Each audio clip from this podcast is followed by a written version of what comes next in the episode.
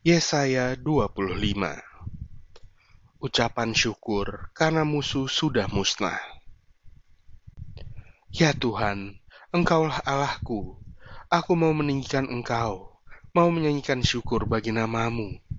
Sebab dengan kesetiaan yang teguh, Engkau telah melaksanakan rancanganmu yang ajaib, yang telah ada sejak dahulu.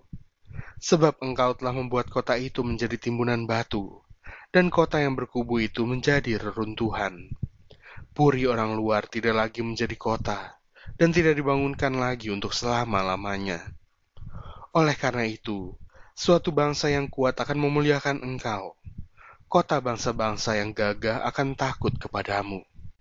Sebab engkau menjadi tempat pengungsian bagi orang lemah, tempat pengungsian bagi orang miskin dalam kesesakannya, perlindungan terhadap angin ribut, naungan terhadap panas terik, sebab amarah orang-orang yang gagah sombong itu seperti angin ribut di musim dingin, seperti panas terik di tempat kering. Kegaduhan orang-orang luar kau diamkan, seperti panas terik ditiadakan oleh naungan awan. Demikianlah nyanyian orang-orang yang gagah sombong ditiadakan. Keselamatan bagi bangsa-bangsa di Sion. Tuhan semesta alam akan menyediakan di Gunung Sion ini bagi segala bangsa-bangsa suatu perjamuan dengan masakan yang bergemuk, suatu perjamuan dengan anggur yang tua benar, masakan yang bergemuk dan bersumsum, anggur yang tua yang disaring endapannya.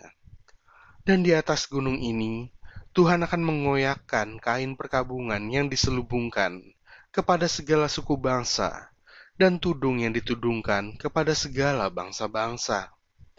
Ia akan meniadakan maut untuk seterusnya, dan Tuhan Allah akan menghapuskan air mata daripada segala muka, dan aib umatnya akan dijauhkannya dari seluruh bumi.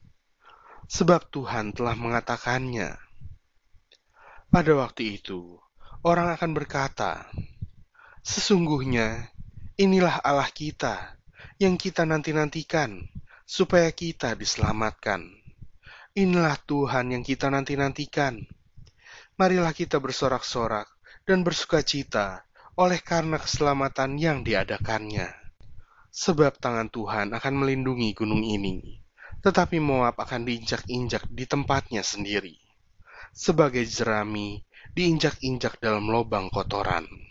Apabila Moab mengembangkan tangannya di dalamnya, seperti cara perenang mengembangkannya untuk berenang.